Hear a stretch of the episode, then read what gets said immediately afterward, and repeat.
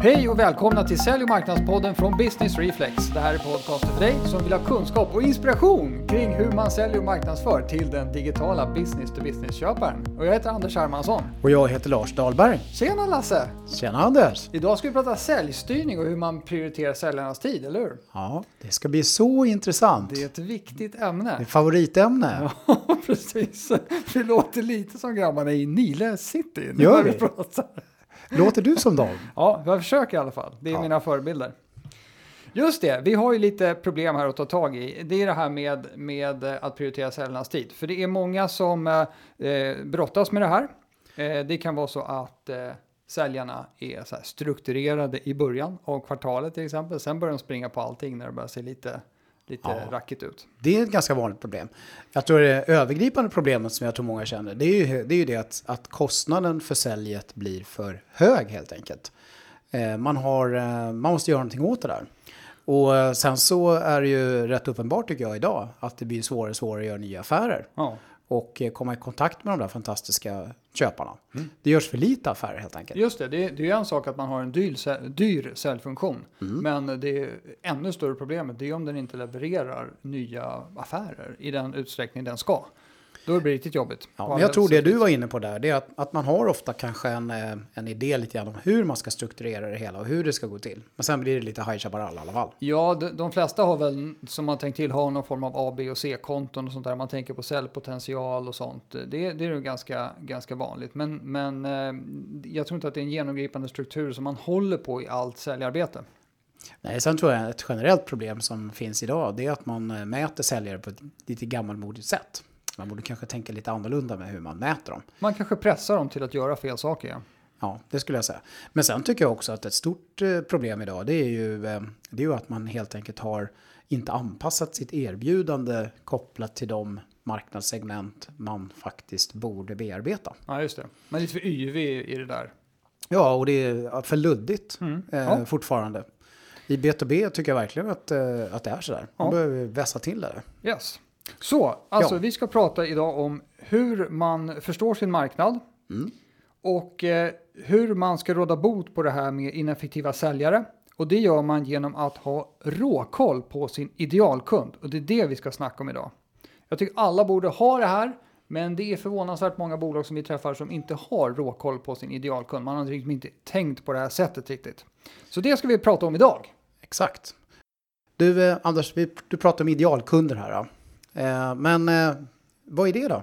Och min kortaste beskrivning av idealkunder. Det är så skönt med så här korta beskrivningar. Ja. Nu kommer den. Nu Håll i kommer er den. nu, lyssnare. Bam, bam. Då är det så här.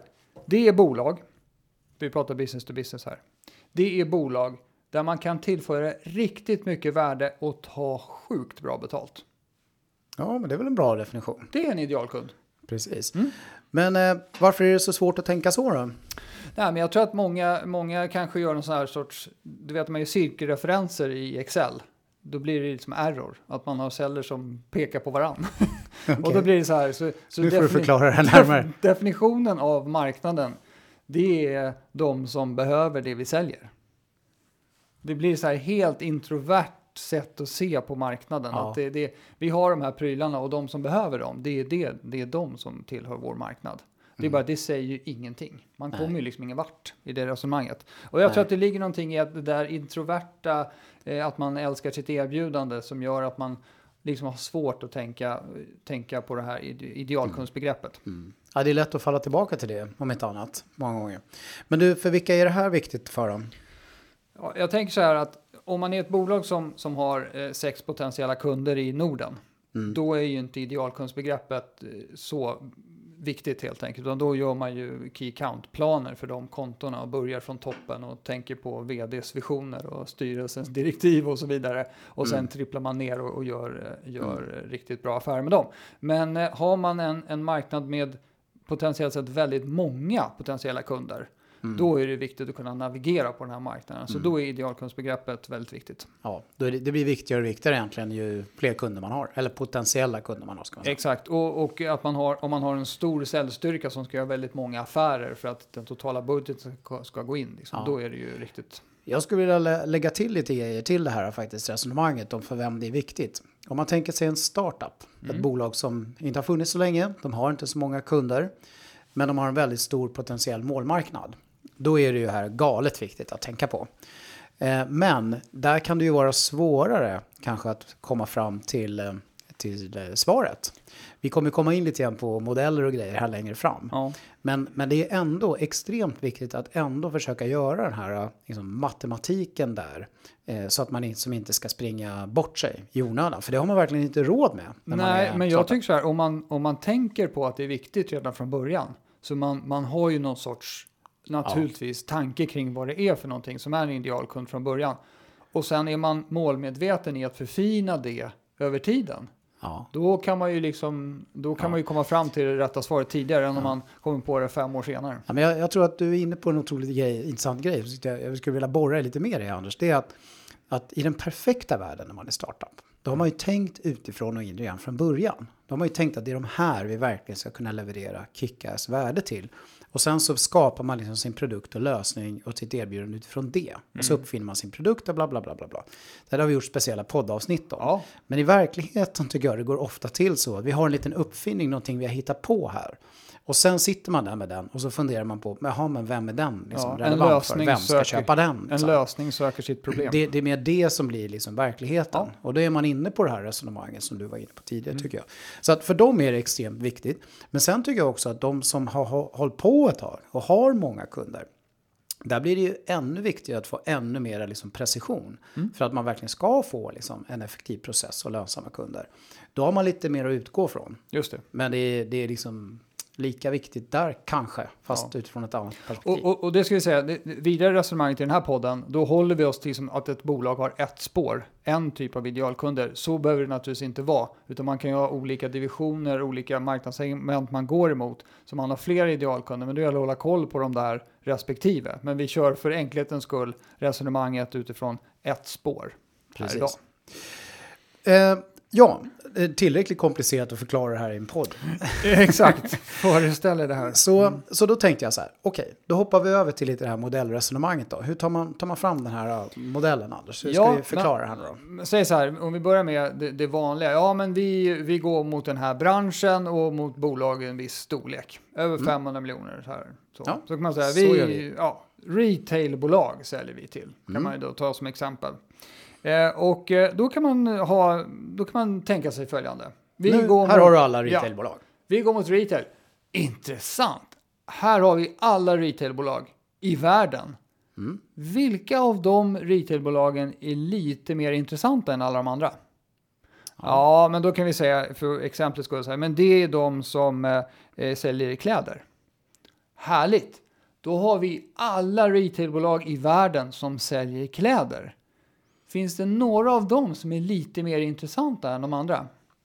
Ja, då kanske det är så att det är de som säljer kläder på nätet och sen gör man vidare. Så frågar man den här frågan några gånger och så minskar gruppen till en hanterbar massa kanske. Det enda man ska tänka på är det är att man inte går i mål med ett möjligt bolag på jorden för då är marknaden kanske lite för liten för att den ska, för att den ska bära och eh, ge den tillväxt man har tänkt sig. Men ett generellt tips skulle jag säga, eh, det är att man ändå försöker att vara extremt noga med att definiera sin mest fantastiska marknad.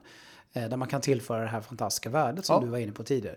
Därför att när man lyckas man med det sen, då kan man liksom utveckla sig och växa därifrån. Absolut. Så det gäller att veta var man är bäst någonstans. Ett annat litet resonemang här då. Jag gör ett litet inspel här. Mm. Ja. Det är att man tänker lite grann utifrån så här. Vad är det för, så att säga, en, eh, så att säga, den största, så att säga, painen, smärtan här. Det är det man, där börjar Man man. börjar där. Som vi skulle kunna råda bot på. Ja. Vad är det för, för smärta?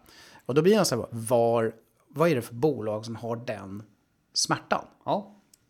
Och eh, jag tar ett resonemang här då. Mm, då. Så Vi säger att vi kan fixa en smärta för bolag som är internationella. Mm. Där- Den komplexiteten som att man är internationell skapar. Där har vi liksom en, en lösning för det. Okej.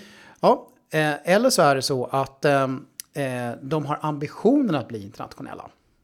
Då har de inte fattat kanske vilket problem de kommer hamna i ännu. De som är internationella har ju gjort det. Men Mm. det, denna painen kommer att uppstå. Den kommer att, de kommer att bli medvetna om den. Eller så kan vi göra dem medvetna Ja, om just den det. innan Vi kan ju tipsa om lite innan, ja. Det vi. Okej, men sen har vi andra kriterier. De ska ha ett svenskt huvudkontor. De Okej. ska ha ett svenskt bolag, Ja. Mm. eh, säger vi. Internationella eller ambitionen att bli internationella. Eh, eh, de ska ha en tillväxt, definierad tillväxt idag. Eller så har de ambitionen att växa, Mm. Ja. men de har inte börjat växa än. Okej. De omsätter, säger vi, 10-20 miljoner. Eh, eller har 3-5 miljoner i kapital. För då vet man ju att de har möjligheten att kunna investera det i tillväxt. De ska vara ett tjänsteföretag eh, eller programvaruföretag eller kombination av båda. Eller så är de grossister. Då är de Mm. relativt sällan programvaru och tjänsteföretag. Då är de oftast grossister skulle jag säga. E-handel. Just det. Ja. Ja, Det skulle kunna vara ett resonemang. Det- De har liksom V-pain ja. som vi kan eh, råda bot på. Och det finns för och nackdelar med det där resonemanget, men vi kommer in på det sen. Ja, men eh, jag det. tycker det, det är en schysst Ska vi ta ett annat exempel? Ja, Eh, annat exempel. Så att det kanske kan inspirera lyssnarna här till att tänka på sina egna exempel. Också utgå från pain. Har kunskapsarbetare som inte mår bra. Okej, då blir nästa kriteria då. Det är att de har öppet kontor. För det är det som gör att de inte mår bra. Eh, därför att eh, där eh, är det ljud och ljus och skrammel och buller och allt möjligt konstigt som gör att de inte mår bra. Eh, och då blir det så här, man har nyligen flyttat till ett öppet kontor. Eller så ska man flytta till ett öppet kontor. Har man nyligen flyttat, då upplever man den här painen. Har man inte flyttat kanske man inte gör det än. Det är ungefär som i det förra exemplet. Man måste vara minst 10 personer för att det ska bli stökigt på det här kontoret. Eh, man bör sitta i en storstad där hyrorna är relativt höga. Eh, man befinner sig då inte i branscher, för jag tror att det är lättare att tänka så, som, eh, som inte typiskt har öppna kontor. Det finns vissa sådana skulle jag kunna tänka mig som advokater, kanske andra sådana där det måste vara stängda låsta rum i stor omfattning. Eller så har man personal som mår dåligt och faktiskt aktivt söker vård för att de är pressade och stressade och inte mår bra på jobbet. Eh, Eller så har man en väldigt aktiv fackförening aha, som okej. eh, är Som väldigt bryr mån sig om att personalen mår bra. Okej, och då skulle jag vilja hjälpa till att dela upp de här olika sakerna. För om man Ja. tittar på, vi har, vi har händelser. Mm. Det är triggers som troligtvis gör att ett behov uppstår. Sen har man liksom aspekt, eller kriterier för bolagets konstitution. Ja, Att de är fakta ett företag som har fler än tio anställda. Till Ja. exempel. Det har de ju. Ja, Men sen så händer något. Då Just ska det. man flytta. Så det är två olika grejer egentligen. man måste hålla isär dem där. Ja, man måste hålla isär triggers som, upp, som gör att ett behov uppstår. Eller som du var inne på med tillväxtplan, att liksom planering som gör att ett behov kommer att uppstå. Men också själva fakta kring bolaget. Det är bra. Det är bra. Coaching från läktaren här. Ja. Ja. eh, Och, och, och jag menar, för att komma fram till det här så tittar man naturligtvis på sin kundbas då. Det är ju bra. Har man en kundbas så kollar man ju där på vilka är det, man kan säga så här, ja, vilka är våra nöjdaste kunder? Det är ju, det är ju en sak att se hur man ser på det. Men också om man försöker säga, vilka kunder har vi kunnat tillföra absolut mest värde på? För det, det kan vara lite olika, olika saker det där. Eh, sen så eh, tänker jag så här, det, det viktiga med den här idealkundsbegreppen, det är att det, är, det går lätt att komma fram till om en kund eh, har de här kriterierna, uppfyller de här kriterierna eller inte. För om det är saker som man måste gräva sig in i bolaget, då börjar det likna mer av en behovsanalys och då lägger man ju en massa tid på ett bolag. Och då investerar man ju i potentiellt kanske fel bolag. Så de här grejerna ska vara hyfsat officiella, den här fakta att man kan få. Eller att man använder sig av verktyg och tjänster och så som kan gräva fram det där. Just det. Det får inte bli för komplext. För då Nej. krävs det liksom en massa säljtid ja, för att ta reda Exakt, på det. då blev det fel igen. Då blir det fel, ja. Eh, bra. Eh, du, ska vi gå in lite mer på, på själva modellen, hur det funkar praktiskt i verkligheten? Då? Ja, okej. Då, då kan man säga så här att eh, man delar upp eh, eh, de här olika kriterierna i måste-kriterier och kriterier som ger poäng. Och eh, då är det så här, eh, eh, de kriterier som naturligtvis måste då uppfyllas, det blir ju, det, de, de kund, kunderna som inte uppfyller dem, de går vi inte på. Punkt slut. Nej. För det vet vi att där kan, inte vi, no-no. ja, där kan inte vi tillföra så mycket värde. Mm. Skulle vi få en sån affär så skulle det liksom bli problem med leveranser och allt möjligt. Så vi ska inte ens ge oss in på det.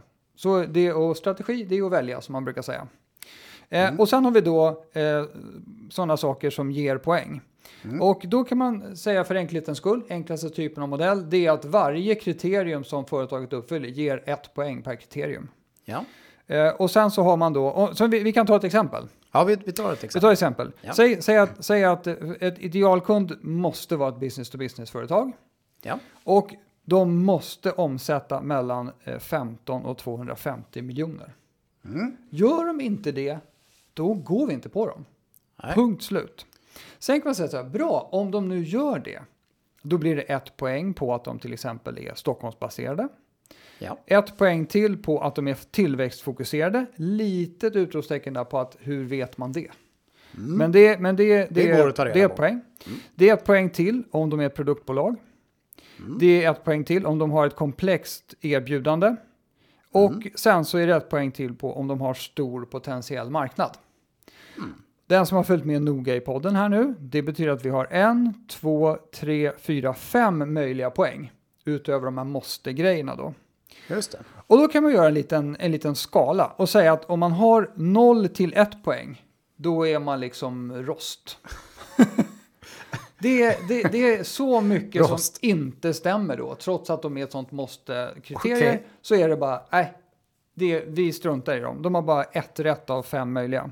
Ja. Och sen kan man då säga att eh, nästa kriterium där 2 till 3 poäng till exempel, det är då brons. Och eh, 4 poäng det är silver och 5 poäng det är guld. Där sitter ni i krysset. Ja. Ganska bra modell för att eh, liksom, hålla ordning på vilka kunder vi tror att vi kan tillföra mest värde på. Sen vet ju du också att det finns ju andra grejer som gör att det kanske finns hinder i vägen för att göra affärer med dem eh, och så vidare. De kanske har en annan preferred vendor eller någonting. Det, men det är en annan grej. Här är hur väl passar de in på idealkundsbegreppet. Bra. Vi har ju pratat otroligt mycket om personas i eh, många avsnitt i den här podden. Mm. Men det blir gärna någonting man vill lägga till till det här tänket sen. Men det ska vi inte gå in på idag. Precis. därför det har vi gått in på så många gånger tidigare. Ja, men, men, men, men det är bra att du nämnde det, för man kan säga så här att de bolagen som då passar in på den här modellen som blir guld, de har med största sannolikhet också en sån där persona någonstans och som springer omkring där inne på insidan. Precis. Man... Ja, men du, eh, hur tänker man eh, kring system då?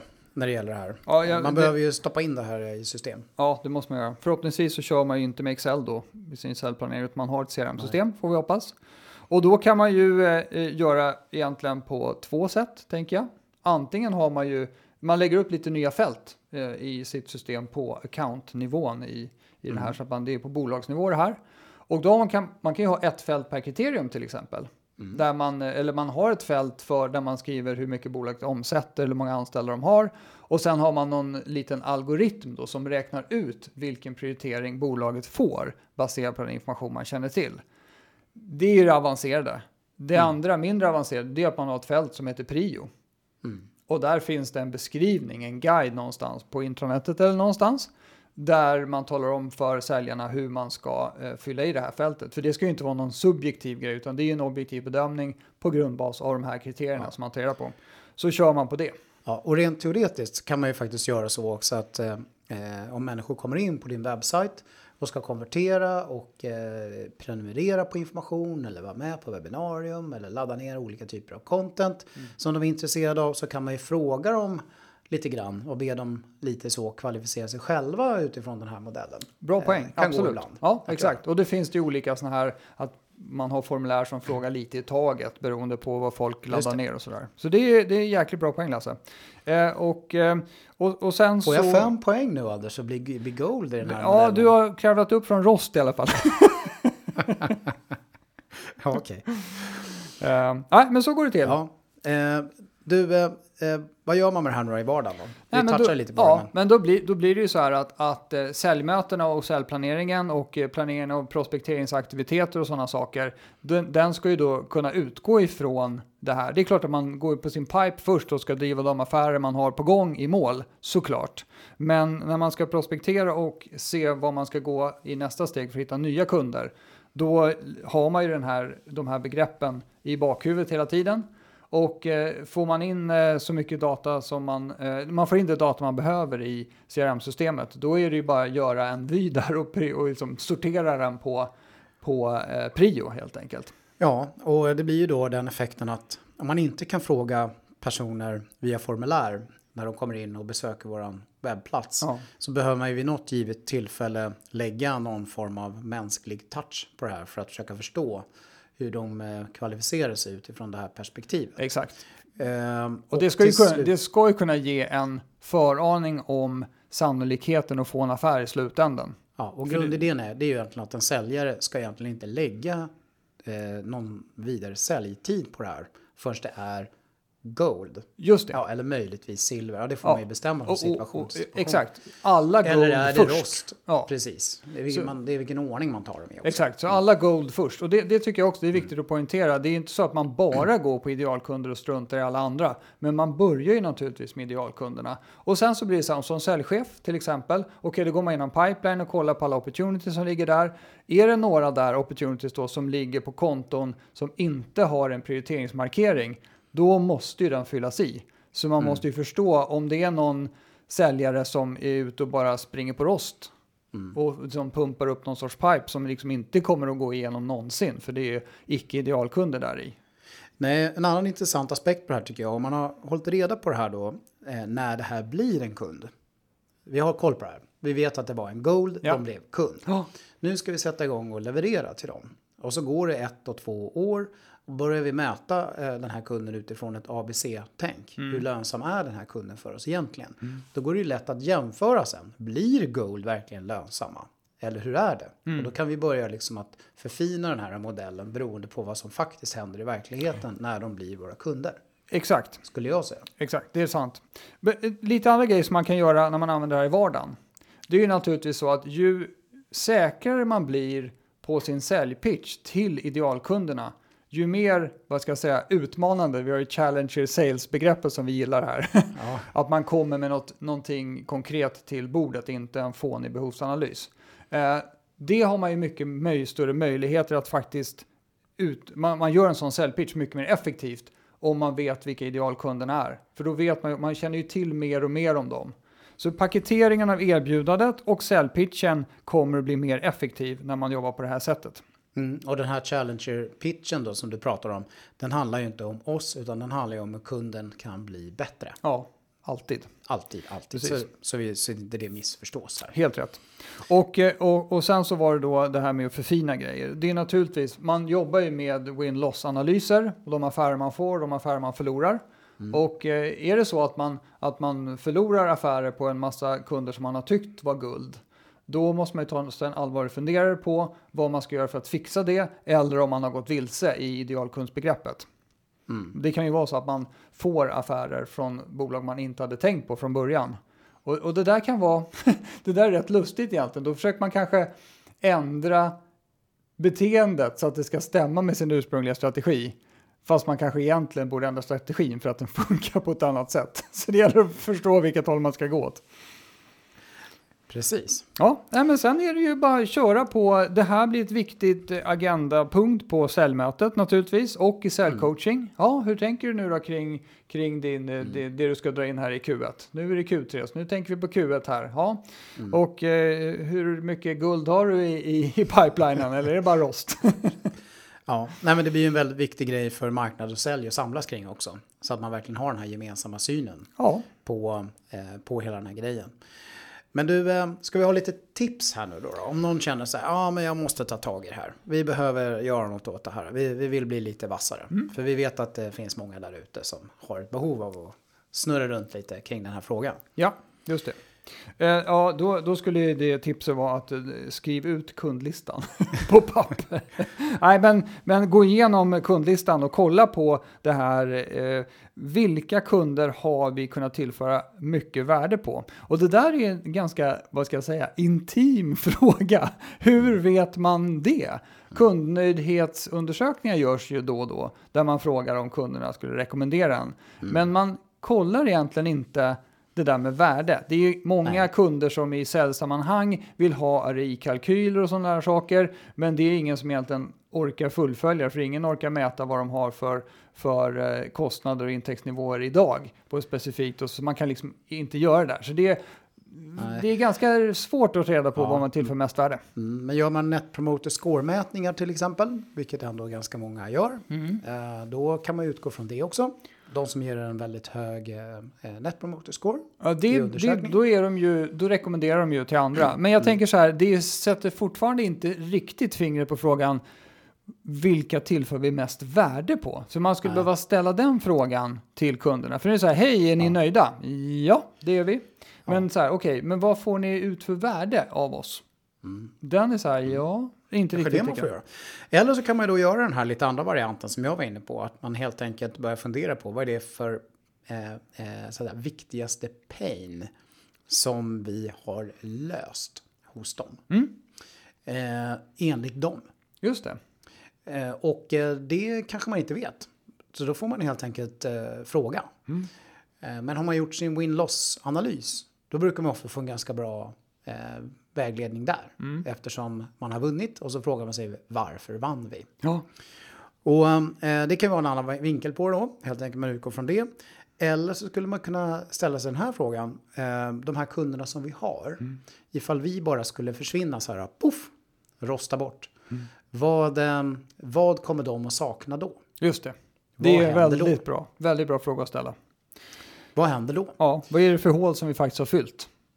I deras tillvaro? Och utifrån det så bör man köra det här eh, deriverings och eh, modellresonemanget som vi gjorde tidigare. Ja, exakt. Där har vi det så då. Är det så enkelt? Alltså? Så enkelt är det. En tydlig modell som alla fattar med lättbegripliga kriterier som man ganska lätt kan hitta svaret på. Det är då man får en effektiv prospektering och en effektiv säljstyrning. Mm.